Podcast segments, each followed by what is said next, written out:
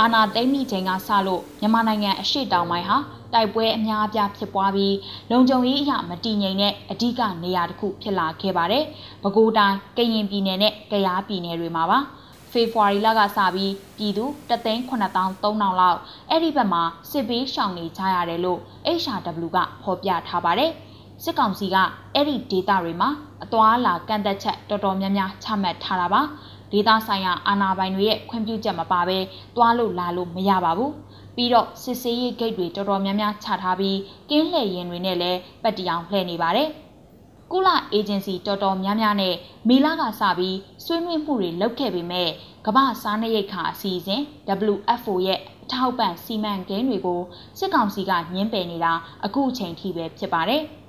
မကြသေးခင်ကမှစစ်ဘေးရှောင်တွေစုဝေးလာတဲ့မြိုင်ကြီးမူစစ်ဘေးရှောင်စခန်းကပြည်သူ4500ဝန်းကျင်အတွက်တလစာစားနပ်ရိက္ခာပို့ပေးဖို့တောင်းဆိုခဲ့တာကိုလည်းညှင်းပယ်ခဲ့ပါတယ်။စစ်ကောင်စီဘက်ကစားနပ်ရိက္ခာတွေကိုသူတို့ကိုယ်တိုင်ဖြန့်ဖြူးပေးမယ်လို့ပြောလာပေမဲ့ယုံကြည်နိုင်စရာမရှိပါဘူး။ဘာကြောင့်လဲဆိုရင်ဇွန်လတုန်းကစစ်ဘေးရှောင်တွေအတွက်စံအိတ်80 စီပုံးတွေနဲ့တခြားစားစရာတွေစေးဝါးတွေကိုရှမ်းပြည်တောင်ပိုင်းကဖယ်ခုံမြို့ကိုပို့ပေးဖို့စ조사ရမှာစစ်ကောင်စီတပ်တွေကဖမ်းဆီးပြီးမီးရှို့ဖျက်ဆီးခဲ့တာမျိုးတွေကြောင့်ဖြစ်ပါတယ်။အဲဒီဘက်မှာဆိုရင်စစ်ဘေးရှောင်ပြည်သူ3000ကျော်ရှိတယ်လို့ပြည်ရင်းမီဒီယာတွေကဖော်ပြထားပါတယ်။ကရင်ပြည်နယ်ထဲမှာဆိုရင်ဒေသခံတိုင်းသားလက်နက်ကိုင်အဖွဲ့ဖြစ်တဲ့ KNL ထိန်းချုပ်နယ်မြေထဲမှာစစ်ဘေးရှောင်တွေအတွက်အထောက်အကူပေးခွင့်ရပေမဲ့စစ်ကောင်စီထိန်းချုပ်ထားတဲ့နယ်မြေတွေထဲမှာပေးခွင့်မရဘူးလို့ပြည်ရင်းအထောက်အကူပေးရေးအဖွဲ့တွေကဆိုပါတယ်။ဒါကြောင့်သူတို့အနေနဲ့စစ်ကောင်စီရဲ့စစ်ဆေးရေးဂိတ်တွေကိုရှောင်ကွင်းပြီးလှုပ်ရှားနေကြရတာပါ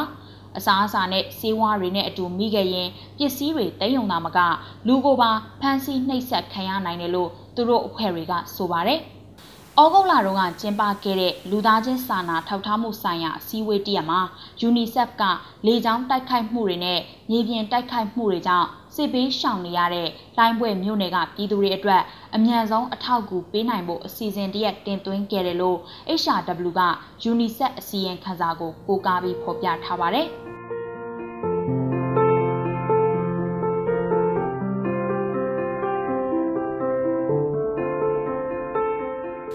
မြန်မာနိုင်ငံရဲ့ကျန်းမာရေးစောင့်ရှောက်မှုစနစ်ဟာအာဏာသိမ်းပြီးနောက်ပိုင်းပြိုလဲသွားခဲ့ပါတယ်။အာဏာဖီဆန်ရေး CDM လှုပ်ရှားမှုမှာကျန်းမာရေးဝန်ထမ်းတွေပါဝင်နေတဲ့အခမ်းကဏ္ဍကိုအကြောင်းပြပြီးစစ်ကောင်စီဟာဆရာဝန်တွေတူနာပြုတွေအပါအဝင်ကျန်းမာရေးဝန်ထမ်းတွေကိုအတင်းအဓမ္မဖမ်းဆီးအရေးယူခဲ့ပါတယ်။အဲ့ဒီနောက်ပိုင်းမြန်မာနိုင်ငံဟာကမ္ဘာ့ကျန်းမာရေးအဖွဲ့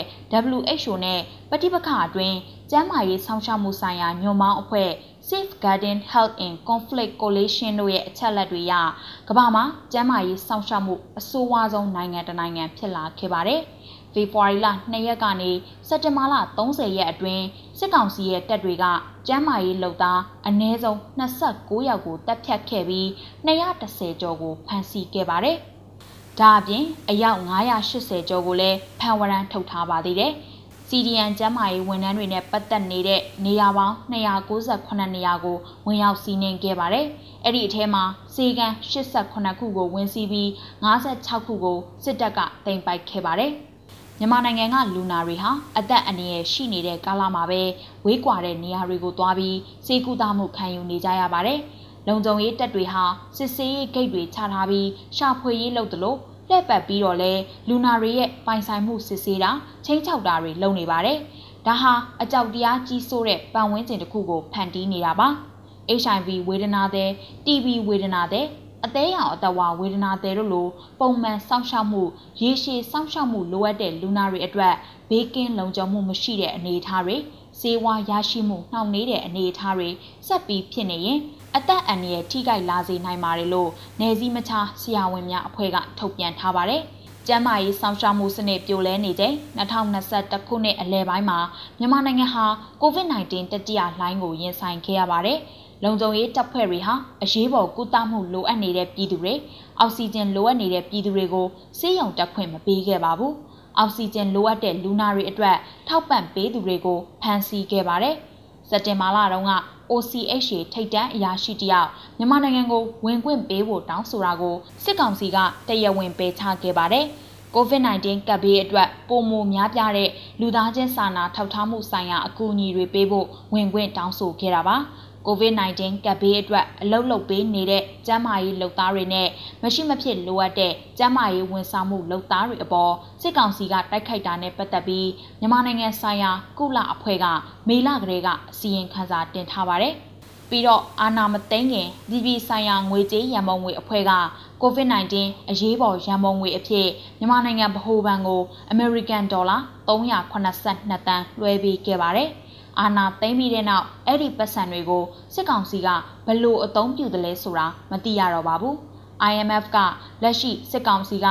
IMF ရဲ့ရန်ပုံငွေတွေကိုဘလို့အသုံးပြုနေလဲဆိုတာသိဖို့မဖြစ်နိုင်တော့ပါဘူး။ကိုဗစ်ကိုရင်ဆိုင်ဖို့နဲ့အားအနည်းဆုံးပြည်သူတွေကိုထောက်ပံ့ဖို့ပေးထားတာပါလို့စက်တင်ဘာလတုန်းကထုတ်ပြန်ထားပါတယ်။ ကုလသမဂ္ဂလုံခြုံရေးကောင်စီဆုံးဖြတ်ချက်အမှတ်2286မှာပဋိပက္ခအတွင်းစေယုံစေကန်းတွေနဲ့ကျန်းမာရေးဝန်ထမ်းတွေအပေါ်တိုက်ခိုက်မှုကိုပြစ်တင်ရှုံချထားပြီးတော့ပဋိပက္ခမှာပါဝင်တဲ့လက်နက်ကင်အဖွဲ့တိုင်းကိုနိုင်ငံတကာဥပဒေတွေအပေါ်လေးစားဖို့တိုက်ခိုက်မှုတွေကိုကာကွယ်ပေးဖို့နဲ့ဖြစ်လာရင်တာဝန်ယူဖို့ထည့်သွင်းထားပါတယ်။ ဒါအပြင်ကုလအတွင်းရေးမှူးချုပ်ကိုလည်းလက်နက်ကင်ပဋိပက္ခတွေကြားမှာလူလူအတွက်ကျန်းမာရေးစောင့်ရှောက်မှုပေးတာကိုနှောက်ယှက်ဖျက်ဆီးနေတဲ့အဖွဲ့တွေရှိရင်လုံခြုံရေးကောင်စီကိုအကြောင်းကြားဖို့လည်းဖော်ပြထားပါတယ်။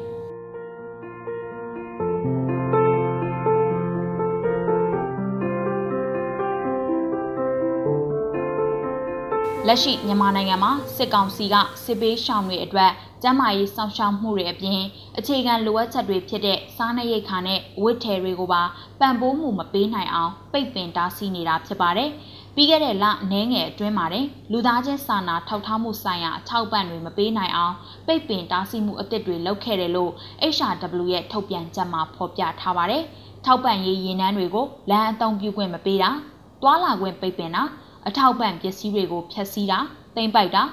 ထောက်ပံ့ရေးဝန်ထမ်းတွေကိုတိုက်ခိုက်တာဆက်သွယ်ရေးစနစ်တွေကိုဖျက်တောက်တာတွေပါဝင်တယ်လို့ဆိုပါတယ်။နိုင်ငံတွင်းလက်ရှိဖြစ်ပွားနေတဲ့ပဋိပက္ခတွေကြောင့်စစ်ပေးရှောင်ပြည်သူ2,8400ကျော်ရှိလာပြီလို့ဆိုပါတယ်။အာနာမသိငင်ကုလာစရင်တွေအရမြန်မာနိုင်ငံမှာစစ်ပေးရှောင်3,9000ကျော်ရှိခဲ့တာပါ။ဒါကြောင့်လက်ရှိမြန်မာနိုင်ငံမှာစစ်ပေးကြောင့်အသက်ရှင်နေထိုင်ရေးအတွက်အထောက်ပံ့လိုအပ်သူ6သိန်းကျော်ရှိနေပြီလို့ဆိုပါတယ်။ ဒီလိုအထောက်ပံ့လိုအပ်နေသူတွေအတွက်ပြည့်စုံတဲ့ဘေးကင်းတဲ့အဟံတားမရှိတဲ့လူသားချင်းစာနာထောက်ထားမှုဆိုင်ရာအထောက်အကူပေးနေသူတွေကျန်းမာရေးစောင့်ရှောက်သူတွေကိုအကာအကွယ်ဘေးကင်းစေမှုနဲ့လုံခြုံရေးအပြည့်အဝပေးဖို့နိုဝင်ဘာလ10ရက်ကုလလုံခြုံရေးကောင်စီရဲ့မြန်မာနိုင်ငံဆိုင်ရာထုတ်ပြန်ချက်မှာထည့်သွင်းထားပါတယ်။ဒါပေမဲ့လည်းအကောင့်ထဲဖော်နိုင်တာမျိုးမတွေ့ရသေးပါဘူး။ တစ်ချိန်တည်းမှာပဲမြန်မာနိုင်ငံအတွက်နိုင်ငံတကာလူသားချင်းစာနာထောက်ထားမှုဆိုင်ရာအကူအညီတွေကလည်းအားနည်းနေပါသေးတယ်။ကုလနဲ့တခြားထောက်ပံ့ရေးအေဂျင်စီတွေကမြန်မာနိုင်ငံအတွက်ရန်ပုံငွေအမေရိကန်ဒေါ်လာ109တန်းအလှူခံထားရမှာ18ရာခိုင်နှုန်းပဲရသေးတယ်လို့ဆိုပါတယ်။2022ခုနှစ်မှာမြန်မာနိုင်ငံအတွက်လူသားချင်းစာနာထောက်ထားမှုအကူအညီအမေရိကန်ဒေါ်လာ826တန်းအထိလိုအပ်မယ်လို့လည်းကုလကတောင်းဆိုထားပါတယ်။ အာဏာသိမ်းပြီးနောက်ပိုင်းမြန်မာနိုင်ငံမှာအခြေခံအဆောက်အအုံပျက်စီးမှုတွေမြန်မာငွေတန်ဖိုးကျဆင်းမှုတွေနဲ့ COVID-19 လှိုင်းအဆင့်ဆင့်ကြောင့်ဖြစ်လာတဲ့စီးပွားရေးကျပ်တဲမှုတွေနဲ့ရင်ဆိုင်နေရတာပါ။ကျန်းမာရေးအခြေခံအဆောက်အအုံပြိုလဲနေချိန်မှာတောထဲတောင်တွေကစစ်ဘေးရှောင်တွေအတွက်ကျန်းမာရေးပြဿနာကပုံမူကြီးထွားလာစေပါတယ်။အဲ့ဒီလိုအခြေအနေမှာစစ်ကောင်စီရဲ့အထောက်ပံ့တွေကိုတားဆီးပိတ်ပင်နေမှုကအသက်ဘေးနဲ့အမြန်ဆုံးရင်ဆိုင်ရအောင်လုပ်နေသလိုပါပဲ။ လူအခွင့်ရေးစောင့်ကြည့်အဖွဲ့ရဲ့အာရှဆိုင်ရာသူတေသီရှာညာပေါချနာကဗိုလ်ချုပ်တွေဟာပဋိပက္ခတွေကြောင့်ဒုက္ခရောက်နေတဲ့ပြည်သူတွေအတွက်အသက်ရှင်နေထိုင်ရေးဆိုင်ရာအထောက်ပံ့တွေကိုစိတ်နှလုံးခိုင်ခိုင်မာမာနဲ့ကိုညှင်းပယ်နေကြပါတယ်။အပြစ်ပေးတယ်လို့မျိုးလုပ်နေကြတာပါလို့သုံးသပ်ထားပါတယ်။ ဒါကြောင့်လက်တလောကာလမှာအထောက်ပံ့ရေးကြီးလိုအပ်နေတဲ့မြန်မာစစ်ဘေးရှောင်ပြည်သူတွေအတွက်လူသားချင်းစာနာထောက်ထားမှုဆိုင်ရာအထောက်ပံ့တွေအမြန်ဆုံးကူညီပေးနိုင်အောင်ကုလအာဆီယံတို့လိုနိုင်ငံတကာအဖွဲ့အစည်းတွေဒေသတွင်းအဖွဲ့အစည်းတွေအပြင်စိတ်ပူတတ်ကြတဲ့နိုင်ငံအစိုးရတွေကလည်းစစ်ကောင်စီကိုဖိအားပိုပေးတင်နေပြီပဲဖြစ်ပါတယ်။